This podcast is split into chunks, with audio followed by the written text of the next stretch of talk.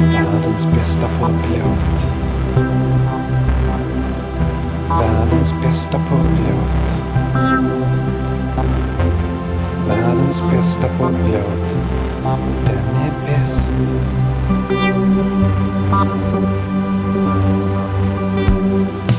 Världens bästa poplåt.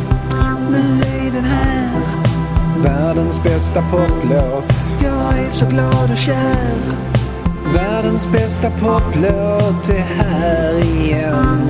Och jag undrar, vilken kan det vara? Världens bästa poplåt. Snart så har jag svar. Världens bästa poplåt. Inga frågor kvar. Världens bästa poplåt är din enda vän. Snälla, snälla kan du svara? Nu är den här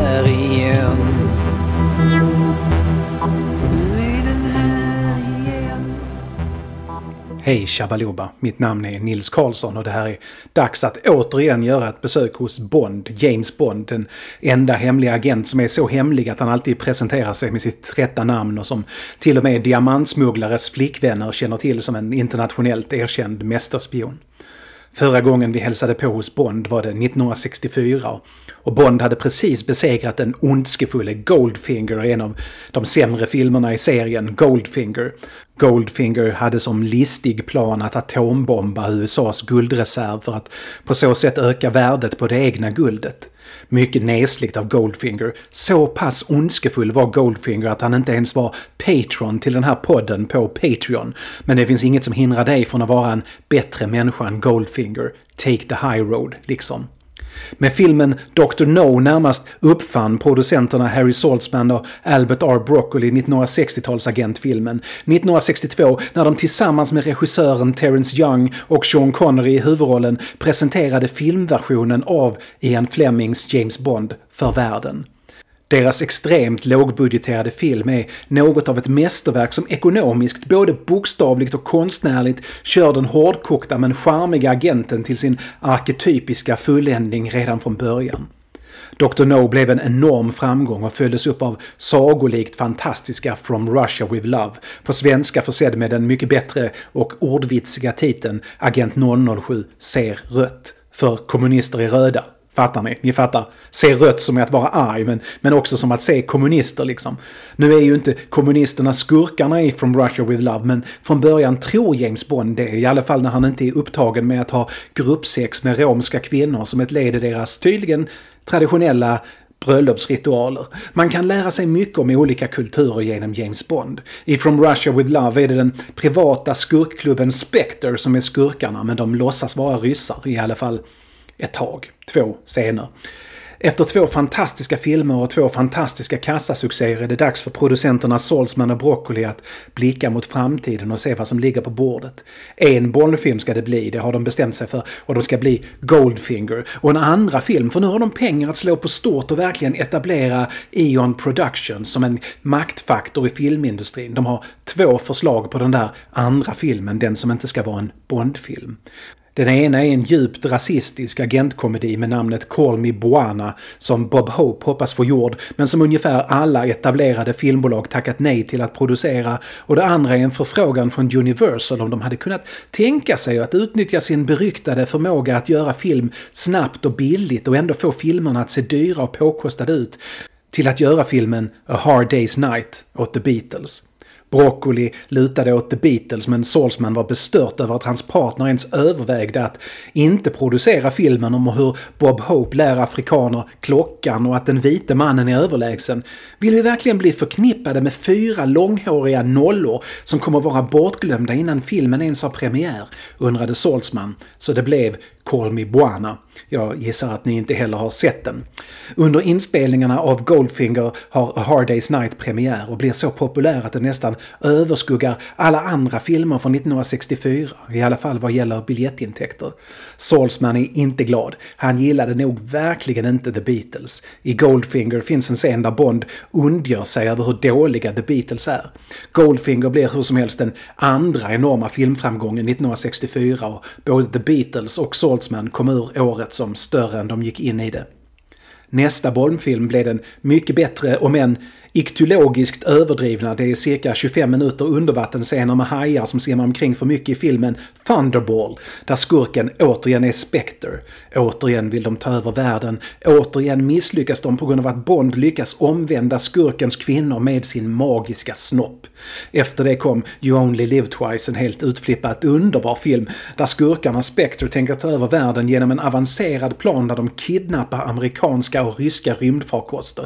Det är science fiction och vansinne och världens första ninjafilm på en och samma gång. Ja, slutstriden står mellan den japanska underrättelsetjänstens ninjaarmé och Spectres anställda.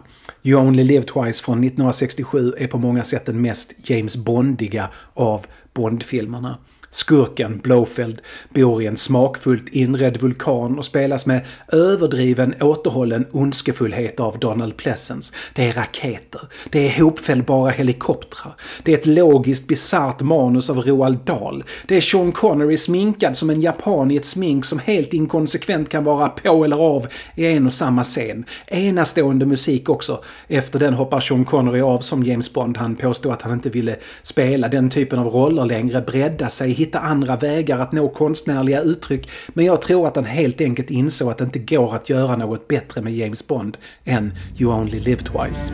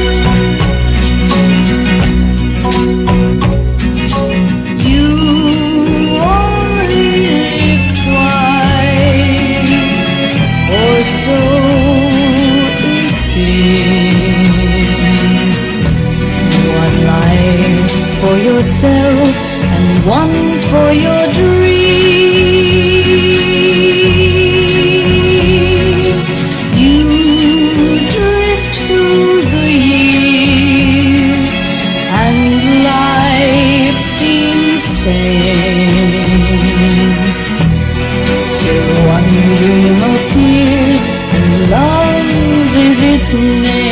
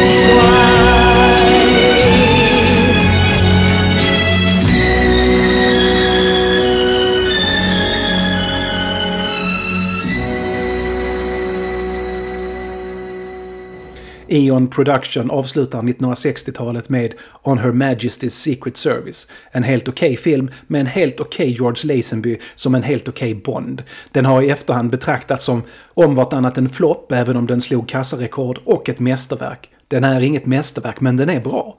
Men sen kommer 70-talet och det är dags att ta James Bond in i en ny tidsålder. Det gör man genom att tjata på Sean Connery att komma tillbaka.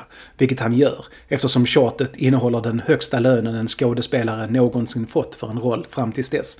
En miljon dollar. Dubbelt så mycket som hela Dr. No kostade att göra åtta år tidigare. Salzman och Broccoli övertalade även Goldfingers regissör Guy Hamilton att komma tillbaka för Diamonds Are Forever. Och herregud, det finns inte ord för hur dålig den filmen är. Precis allt är uselt med den. Men precis som med Goldfinger är musiken fantastisk, så allt är uselt med den utom musiken. John Barry överträffar sig själv och lyfter som kompositör filmen från totalt elände. Filmen är dessutom inte ett steg mot framtiden utan snarare ett försök att få 70-talets publik att tro att det fortfarande är 1960-tal. När Sean Connery meddelar att han inte tänker återvända till rollen, Never say never again i och för sig, tvingas Saltzman och Broccoli att tänka nytt. Inte minst som de samtidigt förlorar rättigheterna till att använda Spectre som skurkar. Det var inte Ian Fleming som kom på dem. Det såg mörkt ut. Inte ens John Barry ville komma tillbaka och göra musiken. De hade lovat att James Bond skulle komma tillbaka i Live and Let Die. Året var 1973. Dags för nytänkande på riktigt. Till exempel en rocklåt som ledmotiv. I alla fall en låt skriven av en etablerad artist som kunde hjälpa till att lyfta den döende filmserien. Broccoli föreslår Paul McCartney, för in i helvete, säger Saltzman. Men sen inser han, det är ju helt rätt både för James Bond och Paul McCartney att samarbeta. Leva och låta leva liksom. Vatten under bron. Och det gick ju rätt bra för de där långhåriga nollorna, trots allt.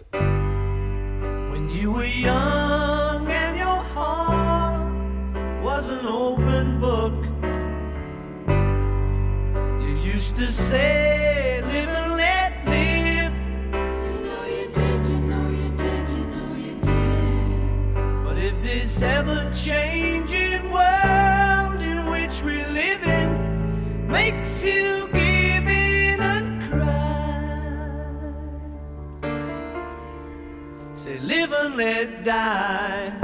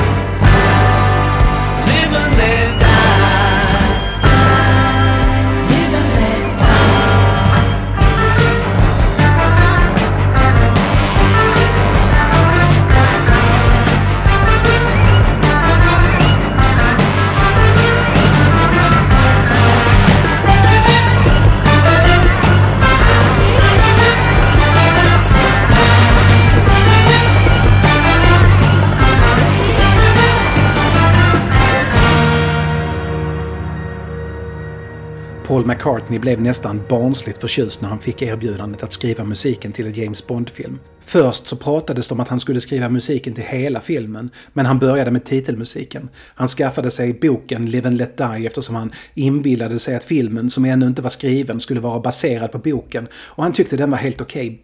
Som bok i alla fall, han var inte så mycket för att läsa romaner. Lite rasistisk kanske, men helt okej. Han ber sin före producent George Martin komma och leda inspelningarna. Det är första gången de arbetar ihop sedan The Beatles sista inspelningar, Abbey Road. Och de trivs lika bra ihop som alltid. Musikerna på inspelningarna är McCartneys band The Wings och George Martins trogna Abbey Road, studion alltså, orkester. Martin tycker låten behöver ett mellanspel så McCartney föreslår att de helt enkelt stoppar in en av hans fru Lindas små reggae-låtar i mitten. Hon var väldigt inne på att lyssna på västindisk popmusik och eftersom filmen troligen skulle utspela sig i Västindien så passar ju det alldeles utmärkt. Om någon där ute tror att Linda McCartney inte kunde skriva musik så ändra uppfattning genast för det där partiet med “What does it matter to you when you got a job to do” är det som höjer låten till att vara världens bästa poplåt. Märkligt nog är det Denny Lane, vanligtvis gitarrist i The Wings, som spelar bas på låten. Det är synd eftersom en av världens bästa basister någonsin bevisligen fanns i studion, fast bakom pianot istället. Låten hade om möjligt blivit ännu bättre med McCartney på bas, som det mesta blir med McCartney på bas. När låten är färdig och mixad tar George Martin och Paul McCartney och spelar upp den för Saltzman och Broccoli. Filmproducenterna rör inte en min. Till sist säger Saltzman Bra demo grabbar, men när får vi höra den riktiga inspelningen? Det här är den riktiga inspelningen, förklarar George Martin. Och det där är början på en musikalisk konflikt som präglade hela projektet Live and Let Die. Salzman och Broccoli har bestämt sig för att det bästa för Bond var att sluta försöka leda filmkonstens utveckling och istället härma det som är trendigt för tillfället så att publiken fortsätter att strömma in. Det där skulle prägla hela Bond-produktionen under 70-talet, med undantag för The Spy Who Loved Me som är en återgång till 60-talets Bond-konstruktion. Och den är väldigt, väldigt bra. Filmen efter Live and Let Die är The Man with the Golden Gun som kom precis efter att Hongkong producerade kung fu-filmer, inte sällan med Bruce Lee i huvudrollen, blivit det allra hetaste. Så den är ungefär en Hongkong-producerad kung fu-film fast utan Bruce Lee och med James Bond istället. Usel film, men bra musik. Moonraker kom strax efter att Star Wars blivit en succé så Bond fick flyga till rymden och skjuta laserpistol. Fantastisk film med en av seriens bästa skurkar, Blofeld stand-inen Hugo Drax. Live and Let Die kom under brinnande Blaxploitation-våg. Alltså filmer med mestadels svarta amerikaner i huvudrollerna och funkmusik som soundtrack. Pimpmode och afrofrisyrer och hårdkokt språk och inte sällan gjorda av afroamerikanska manusförfattare och regissörer. Saltzman och Broccoli var inte afroamerikaner, men de tänkte att det här ska vi casha in på och slänga in lite James Bond i. Manusförfattaren Tom Mankiewicz fick instruktioner om att filmen numera inte bara skulle utspela sig i Västindien utan också i Harlem och New Orleans. Och att alla skurkar ska vara svarta och alla hjältar och hjältinnor vita. Paul McCartney får reda på att musiken ska vara funk. McCartney har inte tid eller självförtroendet att skriva funk. Han ska dels ut och spela med sitt The Wings och, dels, och dels tycker han att producenterna borde använda sig av riktiga funkmusiker och inte någon snubbe från Liverpool. McCartney lämnar samarbetet efter att ha övertygat Salzman och Broccoli om att använda sig av George Martin som kompositör av den övriga, inte popmusikaliska musiken i filmen. Så får det bli. McCartney tar sina brutna vingar och flyger. Martin kommer bra överens med filmens regissör Guy Hamilton, tillbaks för en tredje misslyckad gång som Bond-regissör och de skriver in en jazzbegravning i handlingen för både Martin och Hamilton är förtjusta i det där New Orleans-fenomenet. Begravningsscenen är en av höjdpunkterna från filmen. Det är den och Roger Moores rolltolkning av James Bond som är filmens stora behållningar. Roger Moore är en lysande modernisering av Bond. Visst, formellt och matematiskt så var ju Roger Moore äldre än Sean Connery, men där Connery framstår som nästan reaktionär i sin tolkning, vilket såklart kan ha berott på manus och regi, så är Moore betydligt modern. Mindre skådespel, Moores Bond är mer en skyltdocka i de första filmerna, men mer modern. Och så visar han i alla sina filmer filmer utom den sista, A View to Kill, att hans snopp är minst lika magisk som Sean Connerys. För det är i förlängningen den som räddar världen från undergång. Kanske allra mest tydligt i Live and Let Die. För i Live and Let Die funkar det övernaturliga. I alla fall tills Roger Moores snopp kommer in i bilden. Voodoo är på riktigt och alla afroamerikaner är liksom inblandade i någon sorts heroin och voodoo-komplott för att alla vita ska bli beroende av knark. Skurken Mr Big och Kananga, de är samma person, tänker dela ut heroin gratis till alla. Första silen är gratis som ni vet. Och på så sätt konkurrera ut alla andra langare och sen kommer världen ligga beroende för Kanangas fötter. Mr Big spelas av Jafet Kotto i mask som får honom att se ut som Jafet Kotto och Kananga spelas av Jafet Kotto utan mask vilket får honom att se ut som Japhet Kotto. Mr Big är Blaxploitation stereotyp knarkboss och Kananga är en respekterad ledare för ett västindiskt land som slagit sig fria från brittisk kolonisering och nu planerar sin ondskefulla hämnd med sitt heroin. Det skulle de Chi gjort för då får man James Bond på sig, typ. Skurken håller sig med en spåkvinna spelad av Jane Seymour i hennes första roll. Hon spår i tarotkort och hennes magiska krafter kommer sig av att hon är en magisk begåvad oskuld, precis som hennes mamma en gång var. Mamman slutade vara magiskt begåvad och oskuld samtidigt i samband med att Solitaire, som Jane Seymours rollfigur heter, blev till. Så kan det gå. James Bond byter ut alla kort i Solitaires kortlek mot The Lovers och botar henne samtidigt både från magisk begåvning och oskuld. Så kan det gå. Och med det rasar Kanangas imperium. Filmen är alltså helt och hållet omodern och utdaterad och som allt Guy Hamilton gör filmiskt värdelöst. Men musikaliskt enastående. Och jazzbegravningen är fantastisk på alla sätt. Den ligger precis i början av filmen och bygger en stämning som dess filmen sen inte kan leverera. Men herregud vilken effektiv inledning det är.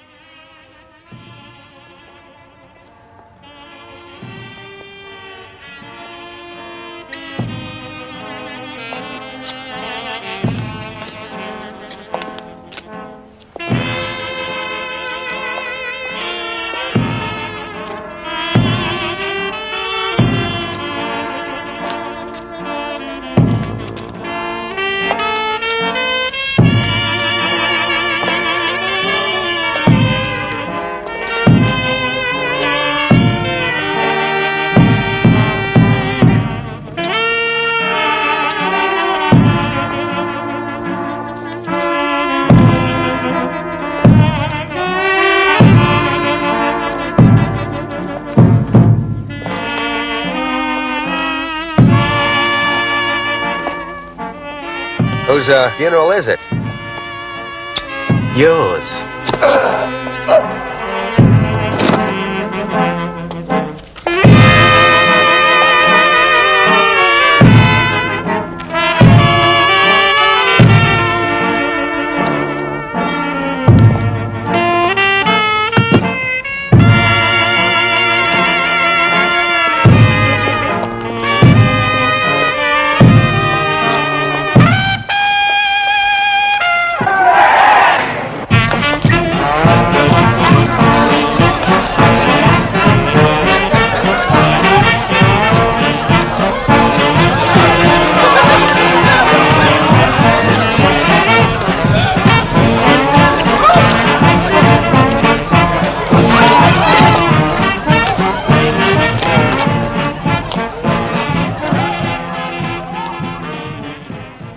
Med McCartney ute ur bilden passar Saltzman på. Du, eh, den där titelmusiken. Visst hade det varit bättre om den sjöngs av en svart kvinna, som Shirley Bassey till exempel. Hon brukar ju sjunga i Guy Hamiltons Bondfilmer. Martin förstår inte hur man ens kan överväga att inte ha en låt med Paul McCartney and the Wings som ledmotiv om man har chansen. En av världens största artister liksom. Men kanske, menar Salzman, att det hade känts lite mer genuint med en soulsångerska. Han ger sig inte. Till slut får han George Martin att dels hota med att lämna filmen och dels påpeka att det står i Eon Productions kontrakt med Paul McCartney att det är hans och The Wings version som ska vara med under förtexterna och ingen annan om de ens vill använda så mycket som en liten melodisk snutt av låten. Salzman har inget annat val än att backa, men han insisterar på att Martin ska skriva in en soulversion av Live and Let Die i filmen. Det gör han, om än motvilligt. Det blir en knappt minut i filmen som bakgrundsmusik i en läskig nattklubb där svarta människor beter sig ondskefullt och kidnappar James Bond på ett ondskefullt sätt genom att ha snurrande fåtöljer. Mycket elakt. Sångerska på inspelningen blev inte Shirley Bassey för hon var för dyr. Inte minst eftersom hon dels hade fått en enorm hit med Diamonds Are Forever alldeles nyligen och dels tyckte att om hon inte får vara filmens stjärnartist så ska hon i alla fall ha minst lika mycket betalt som filmens stjärnartist Paul McCartney. Utan istället fick det bli den i London boende amerikanska sångaren BJ Arnault. Arnault försörjde sig som körsångerska och inhoppare i musikaler och hade arbetat med George Martin innan. Hon ingick i det gäng han brukade anlita när något skulle låta sådär lite gospel liksom. De har roligt ihop och båda får under inspelningarna idéer om hur man skulle kunna förbättra och förstärka soulversionen av McCartneys låt. Så pass roligt har de ihop att Martin bjuder in henne till studion igen när filmmusiken är levererad till Guy Hamilton för den där sista klippningen av filmen. Martin tänker att det inte finns någon anledning att inte spela in en poplåtslång version av Live and Let Die till soundtrack-skivan som garanterat kommer att släppas. De använder sig av Arnaults band, hon spelar soul och funk på pubbar runt om i London när de spelar in Live and Let Die. Det blir den låt på soundtracket som har flest svarta musiker. De enda undantagen är egentligen Martins lilla stråkorkester som han återanvänder från The Wings version. Inspelningen är live i studion, minus stråkarna då. En tagning, två tagningar, det är tredje tagningen vi hör på inspelningen. Precis som när Martin spelade in LPn Please Please Me med The Beatles 11 år tidigare. Det tar ett par timmar och resultatet är tre minuter perfekt pop. Bättre än The Wings och lätt det bästa stycke pop som gjorts för en Bondfilm. Martins och Arnauds arrangemang lyfter och förbättrar och stämmorna är experimentella och spännande. Dessvärre fick den inte plats på soundtracket eftersom skivbolaget ansåg att lyssnarna behövde ytterligare en upplaga av Monty Normans klassiska Bondmusik istället. Ni vet dang diggi dang dang dang dang dang. Inte ens i nyinspelning utan versionen från Dr. No. Vansinne. Så på soundtracket är det bara den där lilla en minuters snutten från nattklubben med. Men Arnauds version släpptes på singel i en begränsad upplaga i Storbritannien. Den fick ingen marknadsföring och glömdes snabbt bort eftersom The Wings version släpptes samtidigt. The Wings låg etta nästan överallt med sin version och den är bra, men den är inte lika bra. Arnaud spelade bara in ett par singlar till men ingen som gav henne något stort genombrott. Hon dog ung i cancer men hennes bidrag till pophistorien består. För det är verkligen inte alla som sjungit världens bästa poplåt på världens bästa sätt att sjunga världens bästa poplåt. Live and let die mina damer och herrar. Live and let die.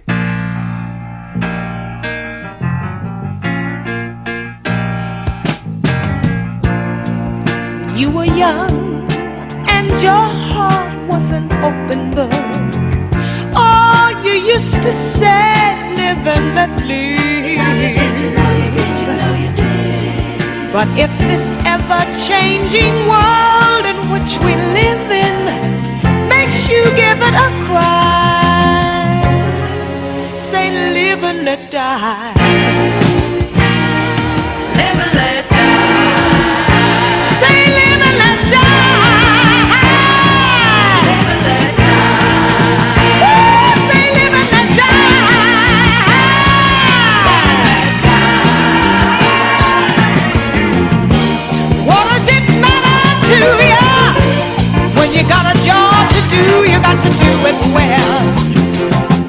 gotta get